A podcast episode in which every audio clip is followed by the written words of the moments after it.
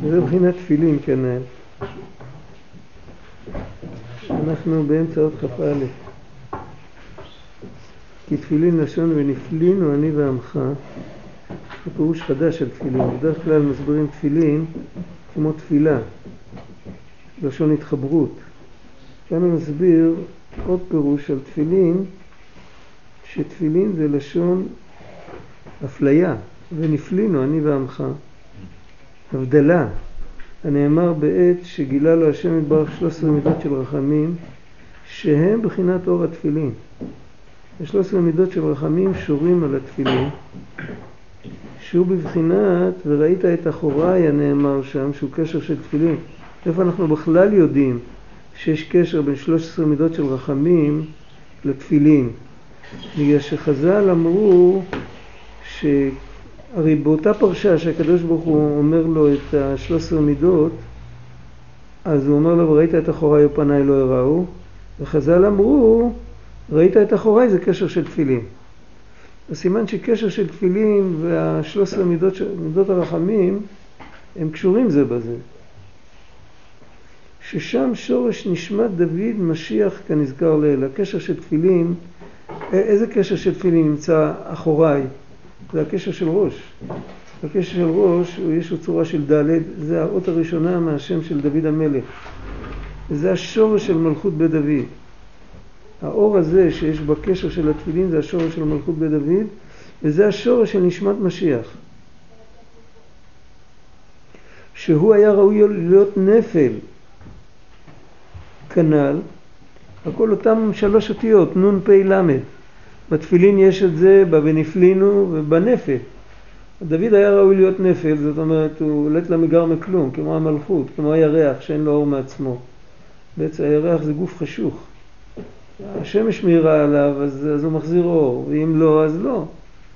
דוד המלך הוא היה נשמה שבאה מצד המלכות, והמלכות כל העניין שלה זה לא להיות, זה לא כן להיות, זה רק, זה כמו מישהו שכל העניין שלו זה לתרגם, כל מה שתיתן לו יכול לתרגם, אבל לבד הוא לא יודע כלום.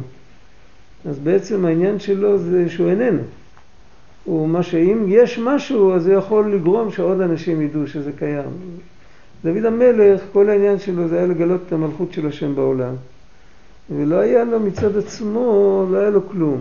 אז גם בגשמיות זה התבטא בזה שלא היה לו חיים, לא היה לו זמן, לא היה לו, לא היה לו לעצמו, לא היה לו, לא היה לו את הפינה שלו, כמו שאומרים.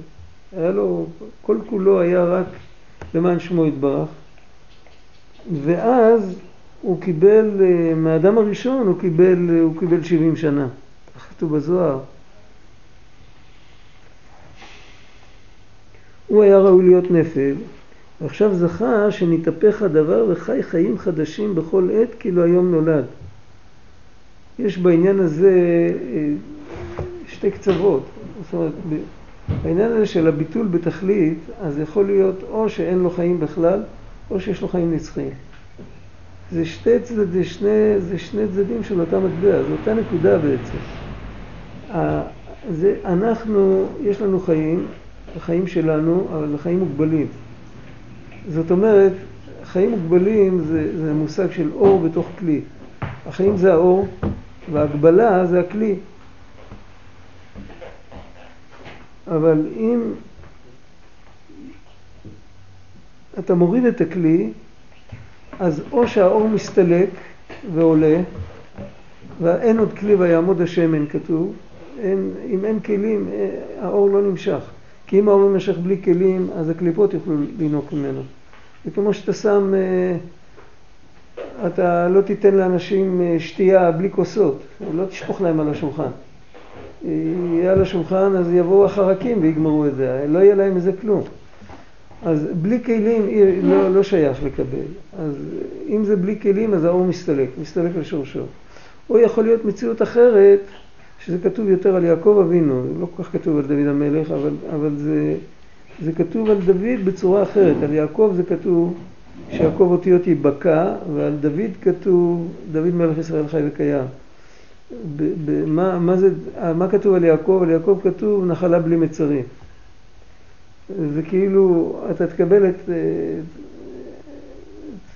כתוב אצל אברהם ואצל יצחק, כתוב שהשם הראה להם את ארץ ישראל בגבולות מסוימים, ואצל יעקב כתוב ימה וקדמה, לא כתוב ים, כתוב ימה, ימה זה כיוון. כמה שתלך מערבה יהיה שלך, כמה שתלך מזרחה יהיה שלך. אז הגמרא אומרת נחלה בלי מצרים. מה זה נחלה בלי מצרים? זה קשור עם, יעקב כתוב אז ייבקע כשחר אורך. זה אור כזה שהוא בוקע את כל ההגבלות. זה לא שהוא מגיע בלי כלים, הוא מגיע עם כלים, הוא מגיע עם, כי הוא בעצמו אור מדוד ומצומצם, אבל הוא פנימיות כזאת, בפנימיות אז הוא אינסופי. פעם דיברנו על אה, משל, משל גשמי.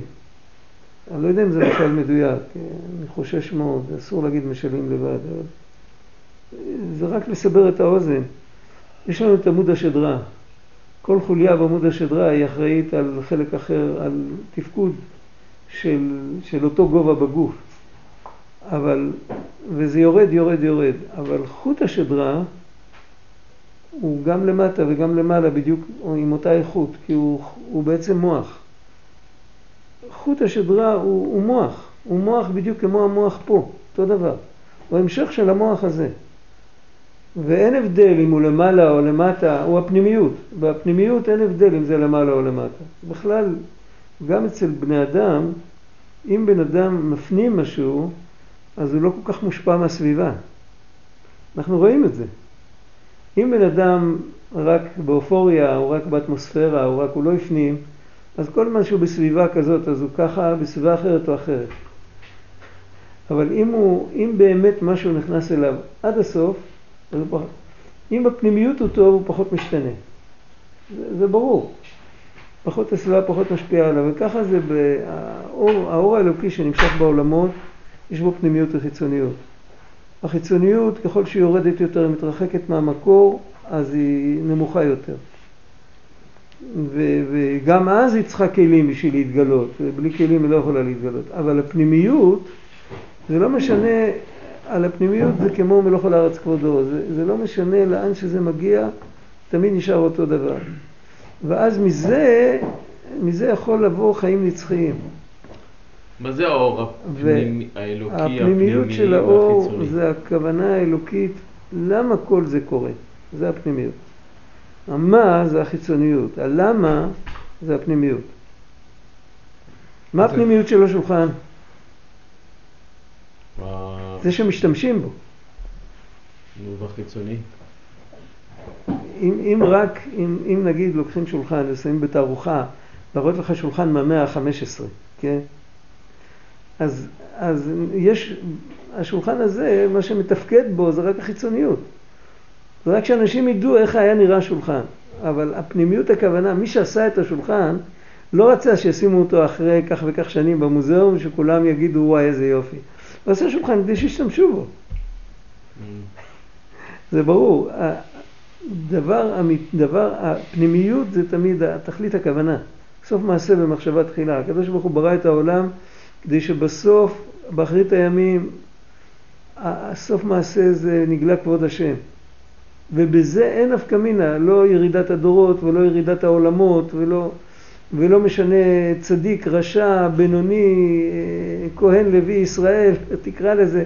תמיד יש, הנקודה הזאת תמיד נשארת, כתוב בזוהר, אף על גב דאזיל הכה והכה, דיוקני ישתר בך לעולם. נקודה קדושה יש תמיד בפנים, והנקודה הקדושה הזאת היא, היא תתגלה לעתיד לבוא בעולם התחייה, אחרי ביאת המשיח. ביאת המשיח כתוב שעוד ימותו.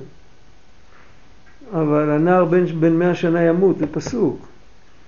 אבל בתחיית המתים זה כבר, זה כבר חיים שאין להם הפסק, ועל זה חז"ל אמרו יעקב אבינו לא מת, יעקב זה אז ייבקע כשחר אורך, שמה שבוקע את ההגבלות ואת החושך של הצמצום ואת הכל זה, אז הדבר הזה לא מת. אז uh, כתוב שם, uh, ויקרבו ימי ישראל למות, אז ישראל זה בחינה אחרת, אבל הבחינה של יעקב, יעקב זה הרי העקב, זה, זה מה שגם בעקב הוא נשאר קדוש וטהור, אותו דבר כמו במוח, לא משפיע עליו שום דבר. אז דווקא יעקב, אז הוא לא מת, ומה זרעו בחיים, אף הוא בחיים. ככה הגמרא אומרת. הגמרא שואלת, אה, כתוב שם, אמר דרש רבי, לא זוכר מי אמר את זה, יעקב אבינו לא מת, שנאמר, כתוב שם, ויגבע ויאסף, לא כתוב מת, לא נאמרה מיתה. אז שאל אותו תלמיד או חבר, שאל אותו, וכי בכדי ספדו ספדניה וקברו קברניה? הספדנים והקברנים אה, ספדו בחינם וקברו בחינם? אז יעקב אבינו לא מת. הנה פה, עשרים דקות מכאן, יש את הציון של יעקב אבינו. אז הוא אמר לו, מקרא אני דורש. מה הוא בחיים? אף זרעו בחיים. כתוב, אה, הוא וזרעו, אה, לא יודע איפה כתוב, שירדו למצרים, אני לא זוכר בדיוק. מה, מה זרעו בחיים, אף הוא בחיים. ככה, כתוב שם בגמרא. מה המשמעות של כל זה? שיעקב אבינו חי בתוך זרעו. בתוך כל יהודי ממשיך לחיות יעקב אבינו. יעקב אבינו חי לנצח. למה לא אומרים את זה לאברהם ויצחק? אברהם זה האור האינסוף, אינסופי, זה אהבה אינסופית, זה, זה הכנסת אורחים. יצחק זה דינים וגבורות. אז זה, יש עניין כזה, יש אנשים שהם באהבת השם והם אה, הולכים בדרך של אברהם אבינו. אברהם אבינו חי בהם, יש כאלה שיש להם יראת שמיים גדולה, אבל יעקב, אז יבקע כשחר אורך, זה, הוא חי בכל יהודי, אפילו יהודי שעוד לא חזר בתשובה ושעוד כל יום פוגם וכל זה, יעקב אבינו יכול להיכנס בו, הוא לא מתפעל, הוא לא אומר כאן אני לא נכנס. זה ברור? כי, כי יעקב יכול לבקוע את ה... איך כתוב שם? נקוב לב האבן והאר לי משם פניך, בהתחלת אליקוטי מהר"ן, בחרוזים. זה, זה העבודה של יעקב אבינו. למה ישראל כן מת ויעקב לא מת? אני לא שומע. למה כתוב ויקרבו ימי ישראל למות. למה ישראל, ישראל תגלו? מישראל זה מדרגה של מוחין. זה יותר גבוה, זה צריך להישאר, זה יותר גבוה. לא לכל, זה יותר גבוה, אבל לא לכל יהודי יש מוחין. יעקב אבינו חי בכולנו בעקב, לא במוח. במוח לראובן יש, לשמעון אין. אז, אבל, אבל, ואותו דבר דוד המלך, דוד המלך, כל יהודי אומר תהילים.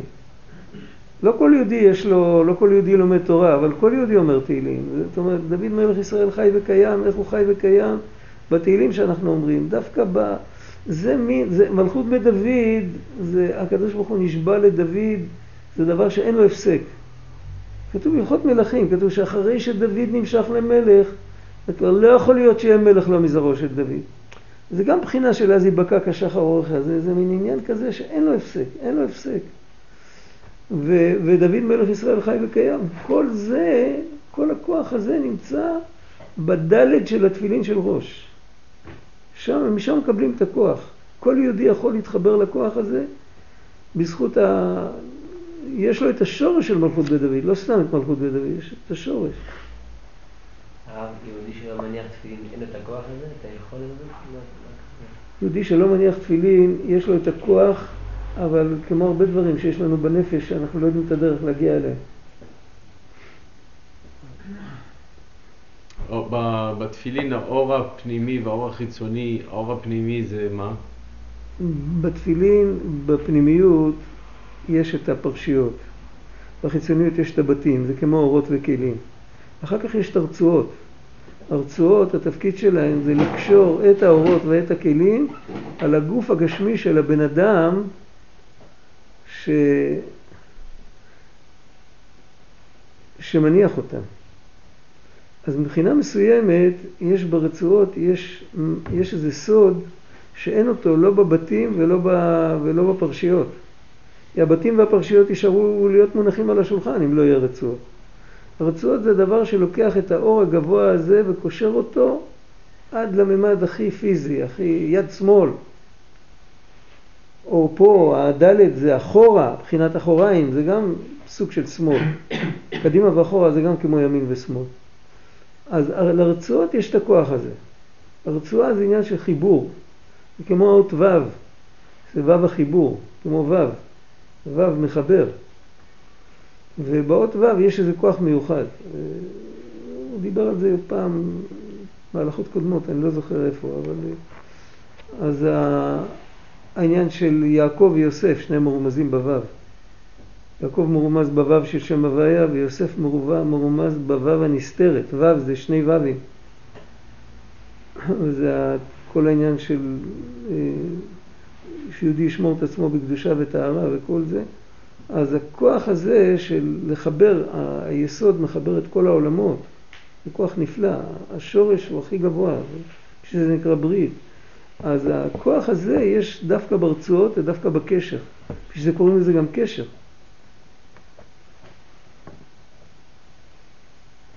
עכשיו זכה שנתהפך הדבר וחי חיים חדשים בכל עת כאילו היום נולד. זו בחינת תפילין, בחינת ונפלינו אני ועמך. אני ועמך נפלינו זה מדובר על יהודים בדרגה הכי נמוכה. להגיד הבדל בין אה, רשב"י לבין איזה גוי ברחוב או בין רשב"י לבין גוי חכם לא צריך, זה לא חידוש כזה גדול, לא צריך בשביל זה את ה"ונפלינו". הנפלינו מדובר על, על היהודי הכי גרוע בעולם, על הקל שבקלים, פושעי ישראל, ואף על פי כן הוא עדיין, הוא פושע ישראל. הוא ישראלי. אז שם רואים את ה"ונפלינו", ואת הכוח, לגלות את הכוח הזה זה הכוח של התפילין.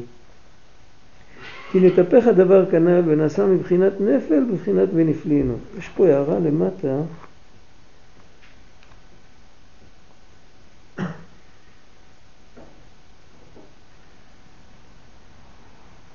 אוקיי, פחות או יותר אה, דיברנו על זה כאן. אין כאן משהו מיוחד. זה כמו שיש, אה, ה-DNA נמצא במידה שווה בשערות, ה-DNA. מה? מה? ה-DNA, הקוד הגנטי. אה, ה-DNA, כן, במידה שווה בשערות ובעקבים. כן, זה אותו DNA עצמו. כן, כן, דווקא בדברים החיצוניים, כאילו, כן, זה כל מה שבאמצע. כן. ובכל מה שבאמצע אפשר ללכת שולל עם כל מיני דברים אחרים. יש שם כל כך הרבה עושר, שאתה, ואת ה, את הפשטות, את, ה, את הנקודה, אתה יכול לראות דווקא איפה ששום דבר לא מסתיר עליה.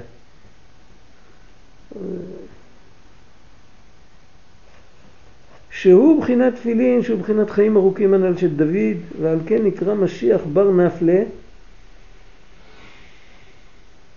בפיוטים של שמחת תורה זה מופיע גם, בר נפלה. אה, במקום משיח. לא זוכר מי כתב את הפיוט הזה. כי משיח יזכה לחיים הנ"ל, שהוא בחינת עני היום מלידתיך, הנאמר במשיח, כנזכר לעיל. אצל דוד המלך ראו רק את הצד הזה. זאת אומרת, ראו את הצד, ש... את הביטול של המלכות שאין לו בכלל חיים. וכל פעם היה צריך להתפלל בשביל לקבל עוד כמה שנים. הצד ההפוך של זה, שזה חיים נצחיים, שבגלל שאין לו לעצמו כלום, אז הוא מתחבר לשורש אינסופי, זה יראו אצל משיח. שזה גם משיח נקרא דוד, דוד עבדי מלך עליהם לעולם, בגלל שבעצם אצל דוד זה היה, רק זה לא התגלה, לא הגיע הזמן. זהו סומך השם לכל הנופלים, שהם הנופלים מעבודת השם, והשם יתברך סומכם ומעוררם משנתם על ידי צדיקי הדור כנ"ל, שהם מבחינת דוד משיח, שזכה להפוך מבחינת נפל לבחינת חיים ארוכים, להתחיל לחיות בכל פעם מחדש. זהו מבחינת תפילין, מבחינת ונפלינו כנ"ל. זאת אומרת, הרי כל דבר, בכל דבר יש עולם שנה נפש. בכל דבר. מה זה בנפש, מה זה תפילין? אז בשולחן ערוך כתוב שתפילין זה שיעבוד המוח והלב. פה בהלכה רבי נתן אמר שבתפילין יש הרי תפילין של יד ותפילין של ראש. ותפילין של ראש זה עבודה של הצדיקים ותפילין של יד זה עבודה שלנו. וזה מעניין, אסור להפסיק בין השל יד לשל ראש. אסור להפסיק. אז קודם כל זה רמז שצריך להיות אה, קשורים לצדיקים, בלי הפסק. אבל יש עוד רמז שהעבודה של האדם הפשוט עם העבודה של הצדיק, אסור להפסיק. קודם כל צריך להקדים את השל יד, אבל מיד אחרי השל יד צריך לבוא השל ראש. זאת אומרת, יכול להיות כאן שתי טעויות. קודם כל, יש כאלה שרוצים להיות מלאכים לפני שהם בני אדם. זה מאוד מוכר. והם הם רוצים קודם להיות צדיקים, להיות אנשים פשוטים, אה, אולי הם יהיו בגלגול הבא, לא משנה להם כל כך, אבל עכשיו בוער להם להיות צדיקים. בסדר, זה דבר דבר טוב. דבר מה? לגיטימי, זה דבר טוב, גם אני רוצה, למה גם לא? אברהם אבינו רצה להיות כן, צדיק. הכל נכון, אבל הסדר של עבודת האדם זה קודם כל להיות, להניח תפילין של יד, קודם נעשה- כל להתחיל, נעשה ונשמע. כן, נעשה ונשמע, אנחנו מתחילים, כשמתחילים לספור את כוחות הנפש, חז"ל אמרו, לא המדרש עיקר אלא המעשה, מדרש זה ראשי תיבות, מחשבה, דיבור, ראייה, שמיעה, ולא כל זה לא העיקר אלא מעשה. זה פרקי אבות. לא המדרש עיקר אלא המעשה. אז התחלה זה המעשה, ואחרי זה הדיבור, ואחרי זה המחשבה, ולאט לאט. אז זה העבודה של תפילין של יד, וזה העבודה של תפילין של ראש. ויש עוד נקודה, שכשבן אדם יורד מכל המדרגות, אז תמיד יש נקודה בפנים שהיא נשארת שלמה, ובזכותה הוא יכול לחזור. אז זה בנפש, ובעולם זה הצדיק, בין בני העולם, כאילו, הנקודה, יש בשפת אמת, שהקדוש ברוך הוא חתם את שמו בש- בעולם שנה נפש. אז בעולם הוא חתם את שמו על אבן השתייה, זה נוטריקון שת י"ק. השם שם שם את האותיות י"ק, וביחד זה יוצא המילה שתייה. ובזמן הוא חתם את עצמו בשם מלא, יום השישי ויחולו השמיים, י"ק ו"ק זה השבת, ובנפש הוא חתם רק את היוד, וזה מה שאומרים בברכה של הברית, את צאצאיו חתם באות ברית קודש. זה היוד, זה בעצם, האות ברית קודש זה בעצם, זה הוו, הוו הנסתר שבתוך הוו, אבל, אבל יש בזה גם עניין של יוד. בוו בראשו יוד. השורש של הוו זה יוד, יוד שיכול להימשך למטה. ושמירת הברית זה ש... שהיוד הזאת היא לא, היא לא תהפוך להיות נון, נון סופית. אנחנו עוד מעט חנוכה, במילה יוון, אתה מסתכל על המילה אז אתה רואה שיש יוד, אחר כך יש וו, אחר כך יש נון. צריך ישן אמר פעם, זה טבעתי באבן מצולה. בהתחלה אתה למעלה, אחר כך אתה יורד יותר, אבל אם אתה לא נשמר, אז אתה, תוקע, אתה תקוע בתוך הבוץ. צריך לדעת עד איפה לרדת. הוא אמר, בשביל זה יש רמז, שאני לא יודע, אם זה, לא יודע אם הוא שמע את זה או שזה רעיון שלו, לא יודע. הוא חשוד על זה שיש לו רעיונות כאלה. שהיוד והוו והנון זה, זה יורד ויורד ויורד. אז זו בחינה שבן אדם, רבנו אמר, שהעולם הזה דומה לבוץ, אבל צריך להיזהר לא להיכנס עם שני הרגליים. עכשיו, מה קורה אם בן אדם נכנס לבוץ עם שני הרגליים? אתם יודעים איך מוציאים בן אדם שהוא בתוך הבוץ? כולם בחוץ. מישהו מבחוץ. כן, אבל איך? לא. נוצר שם ואקום, ככל שאתה מנסה למשוך אותו יותר, הוא מתחפר יותר. תוציא רגל אחת. מכניסים מים. עם. צינור של מכבי אש, עם מים, כן. אתה מכניס צינור של מכבי אש, פתאום הוא מתחיל לצוף לך, אין מים אלא תורה. ולכן כתוב ברמב"ם שאין מחשבת עריות מתגברת, אלא הלב פנוי מן החוכמה.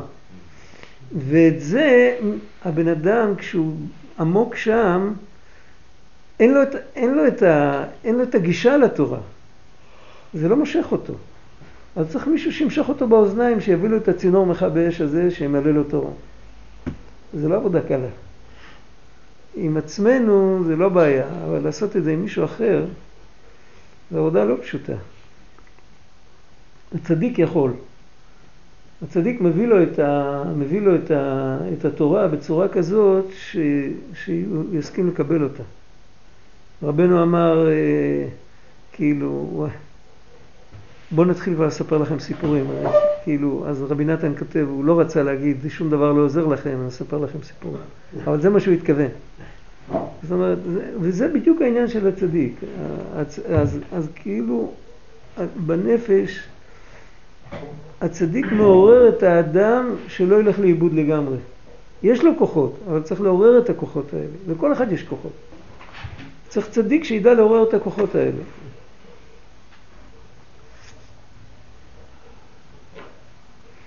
אם הכוחות הנעלמים הם גלויים אצל הצדיק, אז הוא יכול גם לגלות אותם אצלנו. אנחנו קשה לנו לגלות כוחות אה, חבויים אחד אצל השני, כי גם אצלנו זה חבוי. הצדיק גילה, אה, בעצם אה, כתוב כמה פעמים שכל מה שנאמר על הצדיקים זה נכון על כל יהודי. ההבדל הוא שהצדיק הוציא את זה מהכוח אל הפועל. והיהודי הזה לא הוציא את זה מהכוח אל הפועל. אבל אם הוא הוציא את זה מהכוח אל הפועל, הוא יכול לגרום לעוד מישהו להוציא מהכוח אל הפועל. זה על דרך כמו שחז"ל אמרו, שדברים היוצאים מן הלב נכנסים אל הלב. אבל מי ש- אם רואים יהודי ש- שקוע בבוץ, אז לא לנסות... אני אם- לא שומע אם טוב. רואים יהודי שקוע בבוץ, כן, לא לנסות להוציא אותו? לא בכוח. להוציא אותו עם מילה טובה. לדעת, צריך לדעת איך לדבר עם אה, בן אדם שנמצא במקום הזה. הוא עמוק בפנים, יש לו תחושה שרע לו. אם אתה בא עם פטיש חמש קילו לתת לו על הראש, אז מה, מה אתה עושה? אתה, אתה מכה פצוע. אתה מכה פצוע קשור, שלא יכול לברוח. טובע.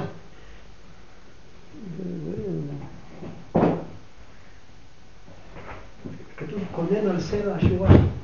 כן. הוא לא דווקא מושך אותו. לשים אותו על לו מקום, כן, לתת לו, לתת. לו, לייבש לו את הבוץ. כמו בסוף הסיפור של הבנים שהתחלפו. מגיע הבעל שם ועושה מה שעושה והבוץ נעלם. הם היו שקועים בבוץ, שני ה... אה, איך ממיסים קרחון? היו פעם חכמולוגים שניסו עם תותחים וניסו... הקרחון, אם הוא, אם הוא זורם, אם זרמי הים מוביל- מובילים אותו טיפה דרומה, בקו רוחב יותר דרומי, כעבור כמה שבועות הוא נמס בלי שאף אחד יסתכל עליו. יש לו רק... אתה, אה, מספקים לו את התנאים שבהם הקרח נמס. יהודי צריך לספר, אני זוכר את בילדות, אה, אנחנו היינו בשכונה כזאת של, קודם כל הם היו כולם פליטי שואה, מה זה היה שם? שכונה, שכונה ליד בני ברק, העיר בלעה אותה, אבל היא הייתה שכונה בפני עצמה עם גדר ועם שער, וזה היה, היה ליד אה, כפר ערבי גדול.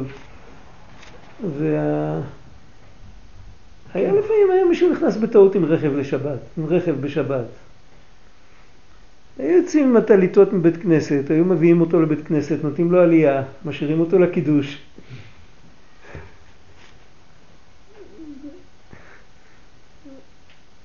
צריך רוחב דעת בשביל זה, אבל כנראה היה להם.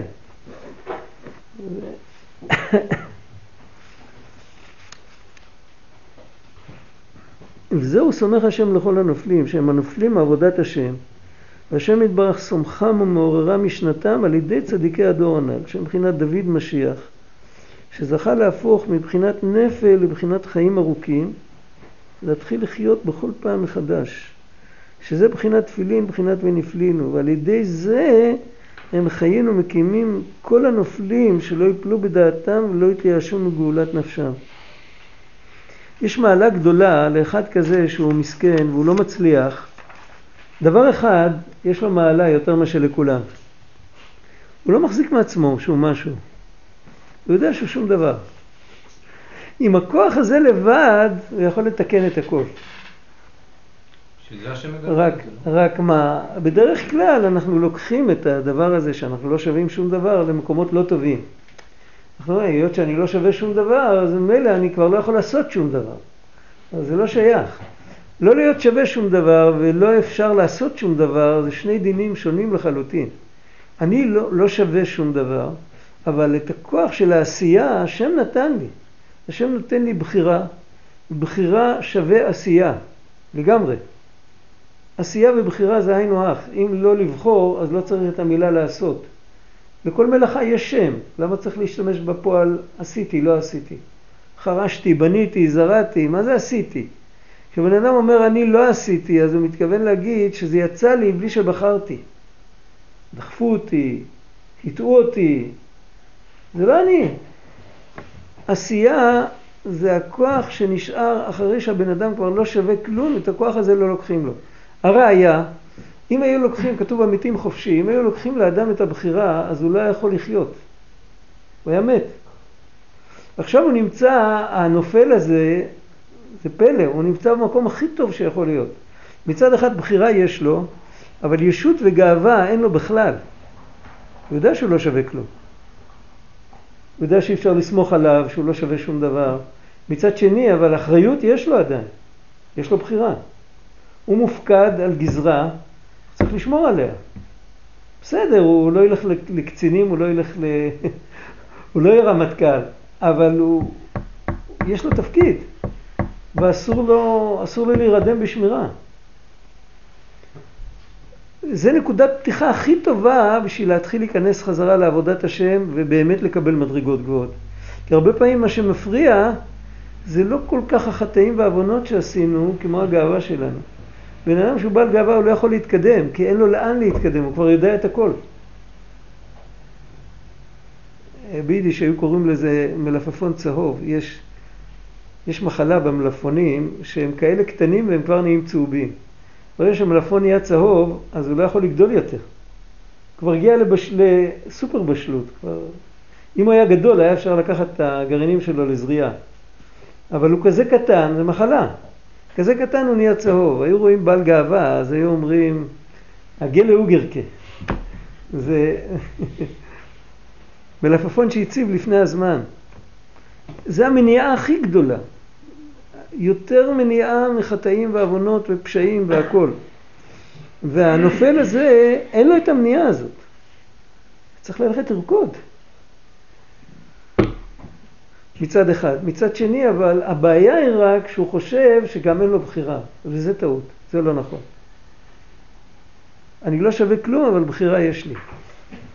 ואת הכוח הזה מקבלים מהצדיקים. הנקודה הזאת של איך שאתה למטה, עדיין הקדוש ברוך הוא מחכה לך, ואתה שווה מבחינת המעשה שלך, זה, זה, זה לוחשים לנו באוזן הצדיקים. מה עם הבעל גאווה? איתו? הבעל גאווה יש לו תיקון אחר. רבי יואל כהן אמר פעם לתלמיד שלו, היה, הוא, הוא חכם, רבי יואל חכם. היה שם תלמיד, אני אספר לך את ההיסטוריה אז תבין. היה שם בחור שהוא היה גאון, הוא יכל, הוא יכל לגדול כמו רב שלמה זלמן אוירבך, לפחות. ממש גאון גאון מכל צד, משהו נדיר, גאונות נדירה. והוא באמת, הוא למד טוב וזה, אבל uh, הוא הכיר עליו שבסוף מה הוא היה? הוא נהיה ראש ישיבה, הבחור הזה, ואחרי כמה שנים נמאס לו והוא הלך לביזנס. ושם הוא עושה קופה גדולה, אבל הוא נשאר בביזנס עד היום הזה, הוא נשאר בביזנס, פשוט חבל. אה, כמו שאומרים, אה, יכל להיות אילן לתפארת, ש, שכל הדור ייהנה ממנו, הוא נשאר בביזנס. והיה בחור צעיר, רבי יואל, הוא היה תלמיד שלו, אז הוא אמר לו, שמע, אני לא יודע מה יהיה איתך, אבל אתה צריך ליפול נפילה גדולה כדי שתוכל להתחיל ללכת בדרך הנכונה. מה? אסור להגיד את זה. לא, הוא היה בחור עדין, אחר כך לא את הכל, הוא בחור ירא שמיים. אני לא אומר, הוא לא... אז הוא לא יגיד את זה למישהו שבאמת ילך ליפול. אבל הבחור הזה, הוא אמר ככה, אולי אם תיפול ותתרסק, אולי אחרי זה יוכלו לדבר איתך. אתה על הגובה, אי אפשר לעשות איתך כלום. הקדוש ברוך הוא עושה את זה בהרבה דרכים. לפעמים לאחד לוקחים לך את הבריאות, לאחד לוקחים את השכל, את ה... את ה כמו שאומרים, את ה... לכל אחד לוקחים משהו, לוקחים ממנו משהו, אחר כך הוא מקבל את זה לאט לאט חזרה, אבל ברגע שהוא חוטף זעזוע, יש אחד שהורסים לו את הבית, יש, יש, אתה יודע, יש כל כך הרבה אפשרויות, אה, עיין ערך אה, וכולו. אז, אה, אז הוא חוטף זפטה, אז הוא מתחיל לחשוב, רגע, מה אני ומה חיי? אני רואה כמה אני שווה. ואחרי זה הוא מתחיל, הוא מתחיל לקחת, לאסוף את עצמו. עכשיו, מה, צריך להיות חכם. במקום לחכות שהשם יעשה לנו את זה, אז צריך להיות חכם לעשות את זה לבד. על זה כתוב, לב נשבר ונתקע אלוקים לא תבזה. בן אדם לוקח את עצמו ועושה חשבון נפש נוקב, הוא רואה שהוא לא שווה שום דבר. אז, אז הוא חוסך את כל הטרדות ואת כל הזה, ואז הוא יכול ללכת לרקוד. ברגע שהגאווה זה כמו משחא דחיביא, זה כמו האור של הנחש. ברגע, ש, ברגע שזה נושר, נושר מהנחש, זה כבר לא דבוק.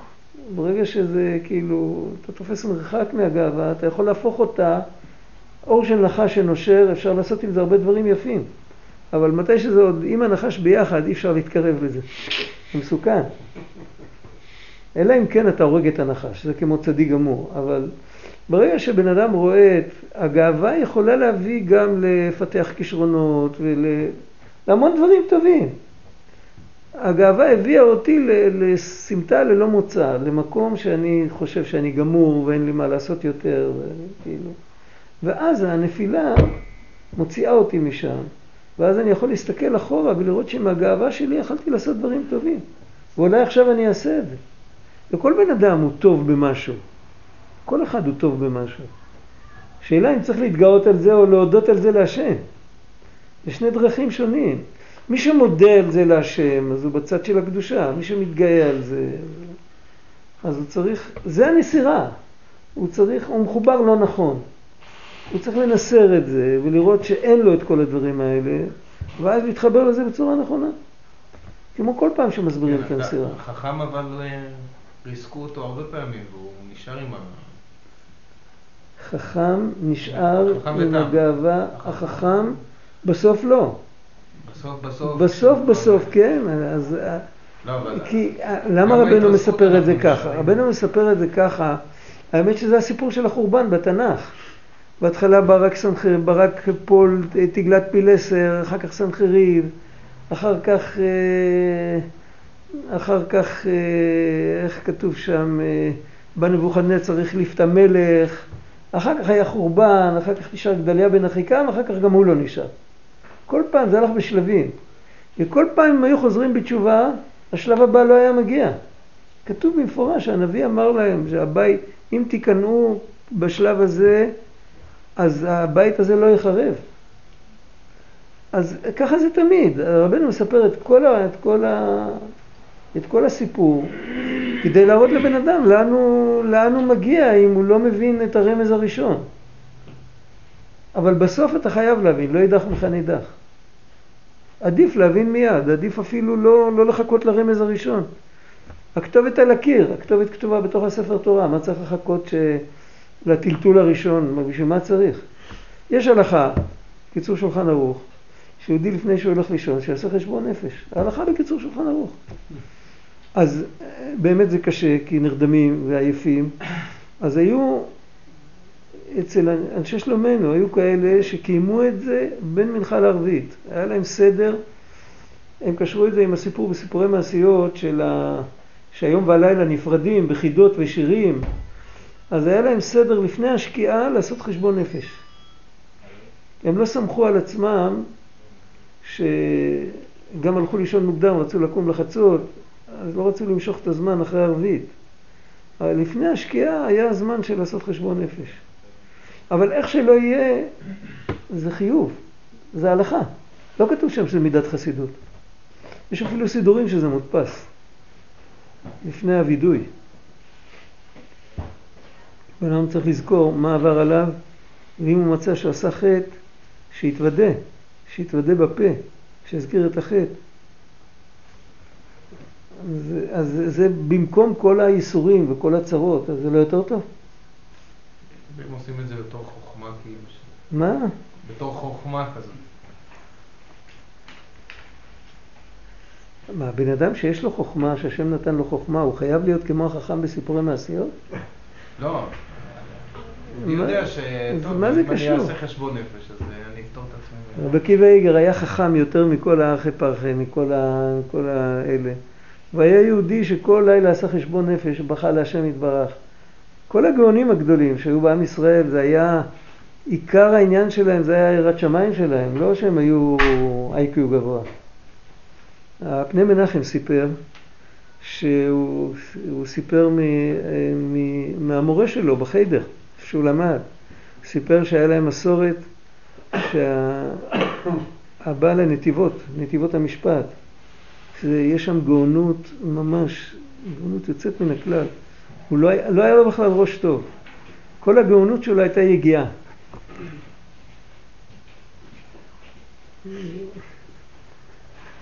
חיבר כזה ספר עמוק על החושן משפט, דיני ממונות, רוצה שיחכים. מציאות.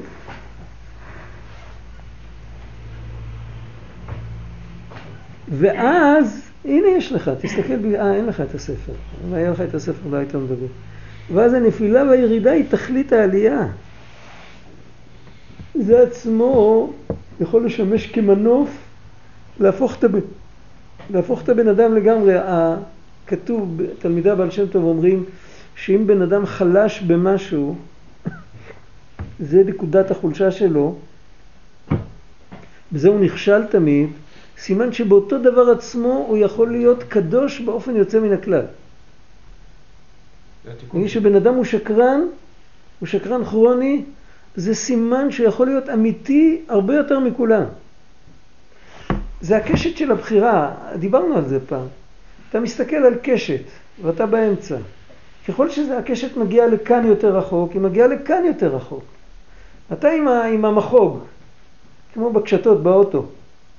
אז או שאתה הולך לכאן או שאתה הולך לכאן, ככל שאתה, אם אתה נמצא כאן מאוד מאוד רחוק, סימן שאם תפנה לכיוון השני, תהיה בצד השני מאוד רחוק. אז, אז הנפילה שלך היא בעצם המנוף שאיתו אתה יכול להתרומם. כי עיקר הנפילה עוד די כמה חמת זה כדי שיתחילו להתחיל מחדש. הקדוש ברוך הוא ריסק לבן אדם את הגאווה ושם אותו על התחלת דרך שיכול מכאן ללכת הלאה. כמובן במקום אחר. דהיינו שיחזור ויתחיל ויחדש חיותו ומוחו, שזהו בחינת תפילין. מדבר הרבה שתפילין זה התחדשות. אה, איפה רואים בתפילין שזה התחדשות? הוא דיבר הרבה, אבל נקודה אחת רק, אה, שכתוב בתפילין על יציאת מצרים. יציאת מצרים זה התחדשות. בכל דור ודור צריך לצאת ממצרים. איך יוצאים ממצרים היום? אז כתוב, בעל התניא כותב בתורה אור, שכל פעם שיהודי יוצא ממצוות אנשים מלומדה לקיים מצוות באמת בכוונה, אז הוא כאילו יוצא ממצרים ונכנס לארץ ישראל. כי המצוות אנשים מלומדה זה סוג של מצרים. זה לא מצרים, מצרים, אבל זה סוג של מצרים. זה כאילו בתוך מין מקום צר כזה, שהנפש לא יכולה לגדול.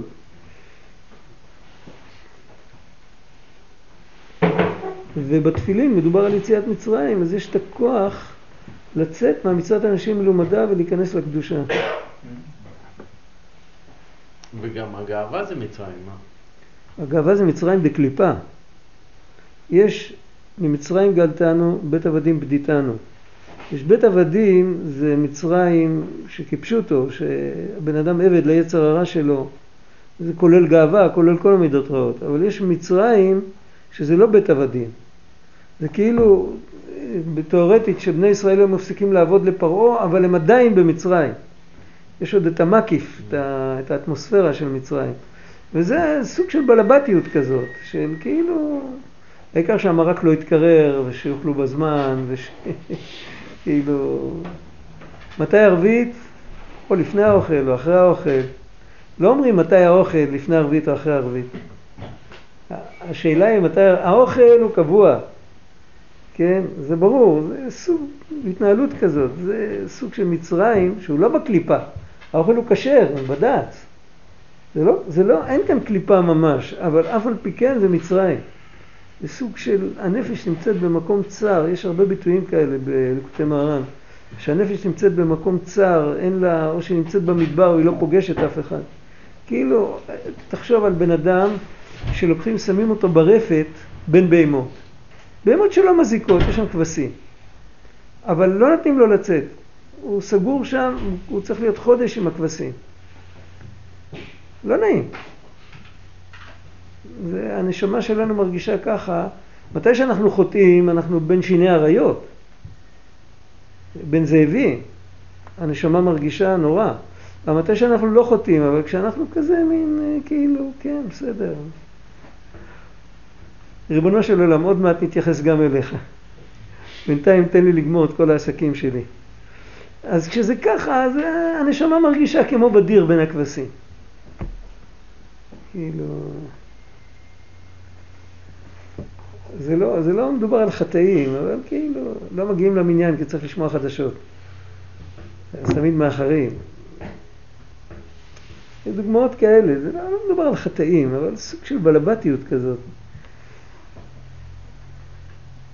בן אדם שתופס את עצמו איפה הוא נמצא וזה שובר אותו, אז מכאן הוא יכול להתחיל להמריא. ירד לו, ה- כאילו, הוריד, הוריד לעצמו את האף. וזה בעצמו, השורש של כל זה, זה בחינת דוד משיח, שזכה שנתהפך לו מבחינת נפל לבחינת חיים ארוכים. הבן אדם שלא עובד את השם הוא גם נפל, הוא נולד בחינם. שיזכה להתחיל לחיות בכל פעם מחדש כנזכר לעיל. כי כן גם אצלם הנפילה והירידה היא תכלית העלייה. אצל כל אחד, לא רק אצל דוד. כמו שכתב רבנו זה על מקום אחר בליקוטי א', בסימן רס"א, שמה שהאדם נופל מעבודתו ומן השמיים, כהתרחקות תחילת ההתקרבות, על כן נפל כדי שיתעורר יותר להתקרב להשם יתברך. ועצתו, שיתחיל מחדש לכנוס בעבודת השם, כאילו לא התחיל עדיין כלל מעולם. איפה זה? מה? איפה זה? לא שמעתי. ואיפה זה? זה ברס"א, והמקור של זה בראשונים. מי שמכיר ספר שערי תשובה של רבנו יונה, היה אחד מגדולי הראשונים, רבו של הרשב"א. יש בסוף הספר, יש כמה דפים, זה ספר בפני עצמו, רק תמיד מדפיסים את זה כי זה קטן. יש שם ספר שנקרא יסוד התשובה. אז בשורות הראשונות של יסוד התשובה זה שיהודי שרוצה לעבוד את השם, הוא צריך להגיד לעצמו שאין לו אתמול. כאילו היום נולד, אין לו מצוות ואין לו עבירות. מכאן הוא מתחיל. אחרי שהוא יתחיל, אז הוא אומר שאתה צריך לחזור בתשובה על העבר ולהתוודות וכל זה, אבל מהיום אני מתחיל בלי...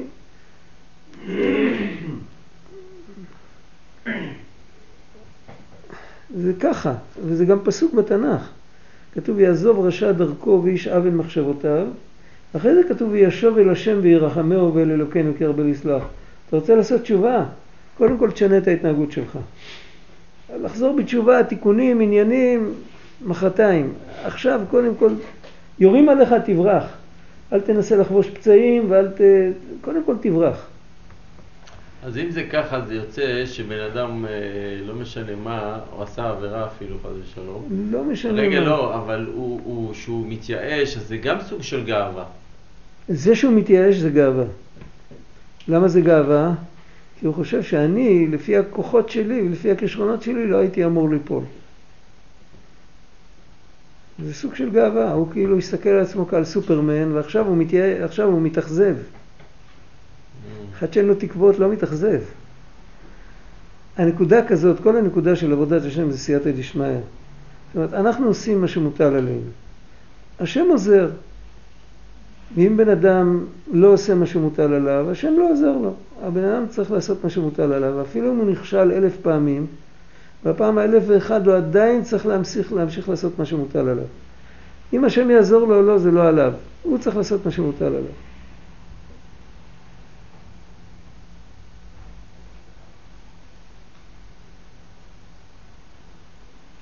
זה כלל גדול בעבודת השם שצריכים ממש בכל יום להתחיל מחדש עד כאן לשונו. זה כתוב בלקוטי, ב- ב- בחלק א' של לקוטי מהר"ן בתורה רס"א. נמצא שדייקה על ידי הנפילה הם מתחילים לחיות מחדש, שהוא בחינת תפילין כנראה. שהוא בחינת חיים ארוכים של דוד שנתהפך מנפל לחיים ארוכים וכולי. באמת היו, היו הרבה סיפורים שהתפילין היו הספתח. שמהתפילין התחיל, אה, התחיל להיפתח איזה חיים חדשים. פעם אחת תפילין. ויש גם עניין, אנחנו מניחים תפילין, אבל כתוב באחרונים שכל שלוש וחצי שנים שייתנו את התפילין לבדוק, בלכתחילה. אנחנו לא תמיד עושים את זה. אנחנו גם לא תמיד זוכרים מתי, מתי בדקנו פעם אחרונה. אז אה, זה גם עניין, זה גם אה, כאילו, אם בן אדם רואה שלא הולך משהו, אה, זה גם, גם יכול להיות עצה. כי כל שמיכת הנופלים הוא על ידי הצדיקים הגדולים הנ"ל שהם מבחינת דוד משיח. זה הכלל שיש דוד המלך כל דור, ויש משיח כל דור, יש משה רבנו כל דור.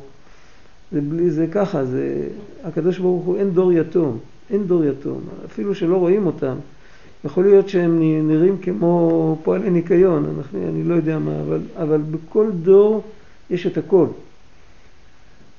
ואפשר לקבל מהם גם מתי שהם בהעלמה, גם צדיק נסתר משפיע על הדור. איך, איך אתה יכול לקבל ממנו? איך אפשר לקבל מהם? עם המחשבות שלהם הם משפיעים. למחשבה יש כוח, זוכר מה שרבנו אומר. אז הם מסתכלים על יהודי, אז הם ממשיכים לו כוחות, או שחושבים על יהודי. רבנו אומר בתורה י"ד שיהודי יושב בחדר שלו ולומד, ויכול על ידי זה לעורר בתשובה יהודי אחר, כי האותיות שהוא לומד עכשיו, אז הם קשורים עם שורשי הנשמה של אותו יהודי. וכשהוא לומד לשם שמיים בטהרה, בקדושה, אז היהודי ההוא מתחיל להתעורר.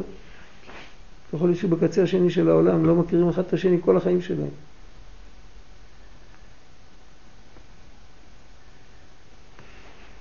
שחיים חיים חדשים בכל עת, שעל ידי זה הם מחיים כל הנופלים להתחיל מעתה מחדש של כמבואר לאל.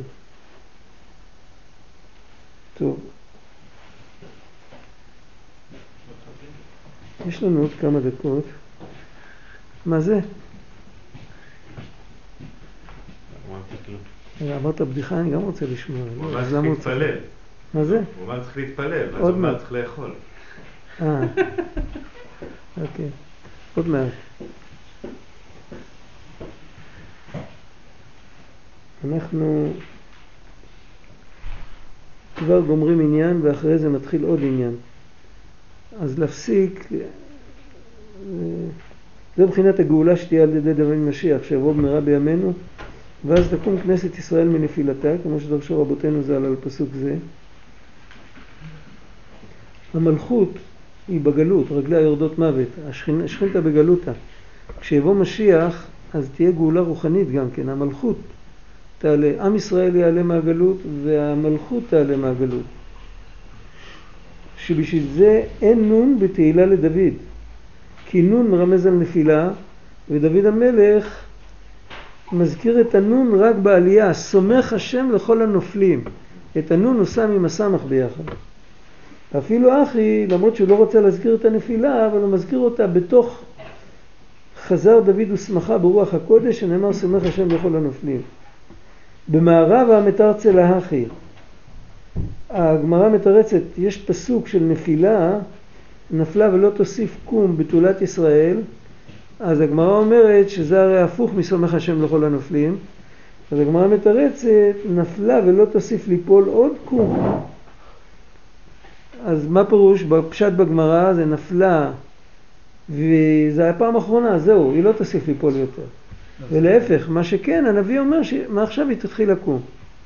אבל יש גם פירוש חסידי, שאם בן אדם נופל למקום כזה שכבר אי אפשר ליפול יותר גרוע, אז סימן שהוא מתחיל לקום. נפלה ולא תוסיף, אם היא נפלה למקום שאי אפשר להוסיף ליפול, אז מכאן כבר, זה כמו גלגל. כשאתה נמצא בתחתית והגלגל ממשיך להסתובב, אז אתה בהכרח מתחיל לעלות. אלא אם כן הגלגל יעצור בנקודה הזאת, אתה בדיוק למטה. אבל אם זה הגלגל מסתובב, הגלגל כל הזמן מסתובב. אז אם אתה למעלה, אז אתה בהכרח יורד, אם אתה למטה, אתה בהכרח עולה. אמרו שזה יכול להיות בור בלי תחתית. יש עוד מודל. כן, לא. חב"ד. יש בגמרא שכתוב שמהשאול לא עולים. יש שבע מדורי גיהינום, השאול תחתיות זה המדור שממנו לא עולים. אנחנו יודעים שלא יידח ממנו נידח, אז אם מישהו בשאול תחתיות הוא חוזר בתשובה, מה עושים?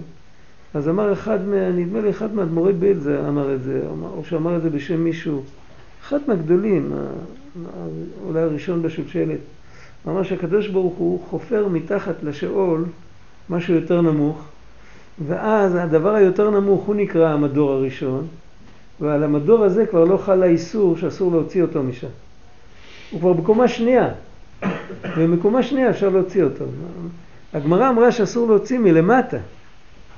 עכשיו, מה הפירוש של הדבר הזה? מה המשמעות של זה? המשמעות של זה שהקדוש ברוך הוא מראה לו, יש לזה הרבה סיפורים. בן אדם חושב שהוא נמצא במקום הכי גרוע בעולם, והקדוש ברוך הוא מראה לו מישהו או משהו שעוד יותר גרוע ממנו. ואז זה מה שמחזק אותו, ואז הוא יכול לצאת. זה בגלל שהוא חופר לו מתחת. היה פה פעם חסיד גור, סיפר שהיה חסיד שכתב לפני מנחם, הוא כתב לו, רבי, אני מתבייש לבוא אליך כי אני בשול תחתית. אז הפני מנחם כתב לו חזרה מכתב, תבוא מהר לשאול תחתית, אין תחתית. תבוא מהר לפני שיהיה מאוחר מדי.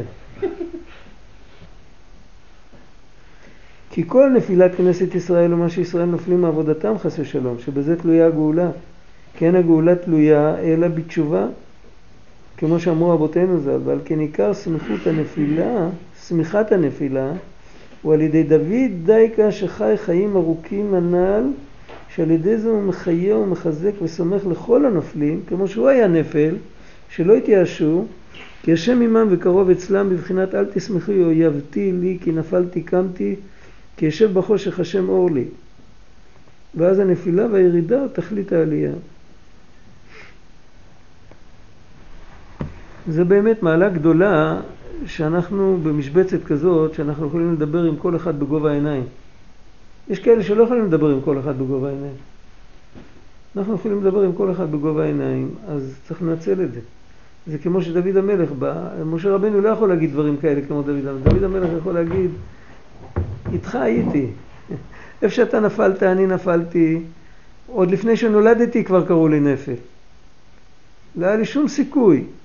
אז אם, אם אני, מה שאני הצלחתי אתה בטח יכול. אז בוא, בוא נלך ביחד. זה, לא כל אחד יכול להגיד דבר כזה.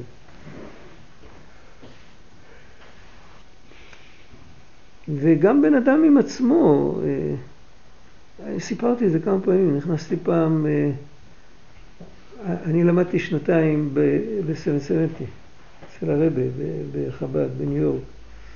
היה שם, אה, חיפשתי פעם, בליל שישי חיפשתי פעם, בפנימייה חיפשתי חבר. ואמרו לי, הוא פה בחדר. נכנסתי, נשארתי לעמוד בדלת. מה קרה? ישב שם אחד מזקני החסידים, שהוא היה שמש בבית הכנסת. הוא היה מטאטא את הבית הכנסת, הוא היה לפני זה חי בארץ אחרת. כולם כיבדו אותו מאוד, וזה, יום אחד הוא קם ונסע לרבה ונהיה שמש בית הכנסת, התחיל לטאטא את הרצפה. טיפוס מסיפורי הבעל שם טוב. והוא ישב שם, והוא דיבר. והחבר'ה, זה היה ליל שישי, החבר'ה לא הלכו לישון, תפסו אותו שידבר איתם. אני לא ידעתי בכלל שיש פורום כזה שיושבים ביחד. אז אני עמדתי רגע, ואחרי זה ברחתי, כי אף אחד לא הזמין אותי, זה היה חבורה כזאת. אבל הצלחתי לשמוע דקה אחת מה הוא דיבר. אז הוא אמר, כתוב בגמרא שלפני שיהודי נולד, משביעים אותו שיהיה צדיק. אז הוא אומר, זה לא רק סיפור שאני יודע שהשביעו אותי שאני אהיה צדיק, אלא יש, יש לעשות עם זה עבודה. מה העבודה? אומרת, כל בן אדם יכול להיזכר את הרגע שהוא היה צדיק, לפי ערכו. הוא לא היה צדיק כמו משה רבנו, אבל הוא היה צדיק יחסית לאיכשהו היום, הוא היה צדיק. ועל זה הוא צריך להגיד לעצמו, רגע, אני יודע איך שאני נראה. אבל למרות שאני כזה, רגע אחד הייתי שם, יכול להיות שזה הרגע אחד שהוא ויתר באיזה ריב, או שהוא ויתר על סכום כסף גדול, או שהוא אה, ויתר, הוא לא ויתר ליצר הרע שלו, או שהוא עבד את השם באיזה, בהרבה יגיעות, בהרבה, הוא עשה מאמצים. היה איזו תקופה טובה, כמו שאומרים, כאילו, שאותה הוא זוכר, היה לי איזה קיץ, שאת הקיץ הזה אני זוכר כל החיים, הייתי, הייתי כמו שאומרים, הייתי, הייתי לפי התקן באותו קיץ. אם בן אדם יכול להיזכר בזה, אז יש לו מה לעשות עם זה. אם פעם הייתי ככה, אם פעם אחת הייתי ככה, אני תמיד יכול להיות ככה. אז בוא לא נתייאש, בוא נתחיל עוד פעם. זה כמו דוד המלך. זה לא, אם פעם, נגיד איזה צדיק לקח לי את הבחירה ועשה אותי מלאך לשנתיים, עם זה אני לא יכול לעשות שום דבר. אבל אם אני בעצמי, לבדי... אם השם עשה את זה? מה? אם השם עשה את זה. תמיד השם עושה את הכל, אז הוא יעשה את זה עוד פעם. השם תמיד עושה כל דבר. אין, אין דבר שהשם לא עושה.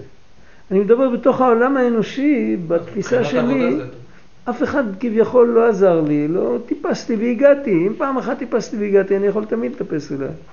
זה לא איזה כוח פיזי שמזדקנים אז זה נהיה יותר חדש, להפך. זה פחות או יותר העניין. צריך להיזהר שזה לא יגיע לאותו אותו קליפה ש... זה לא גאווה, זה לא גאווה, זה לקחת אחריות. זה הבדל דק. כן. הבן אדם, בן אדם שחושב שמגיע לו צל"ש, הוא בעל גאווה. הבן אדם שחושב מחשבה כזאת, רגע, אני יכול, למה שאני לא אעזור לך?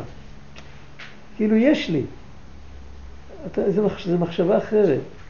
בא אליך מישהו ומבקש ממך אלף שקל הלוואה. ואתה מנופח עם מיליונים. אה, כן, אני אתן לך כי יש לי. זה לא קשור לגאווה בכלל. גם לפני זה היית בעל גאווה שיש לך מיליון.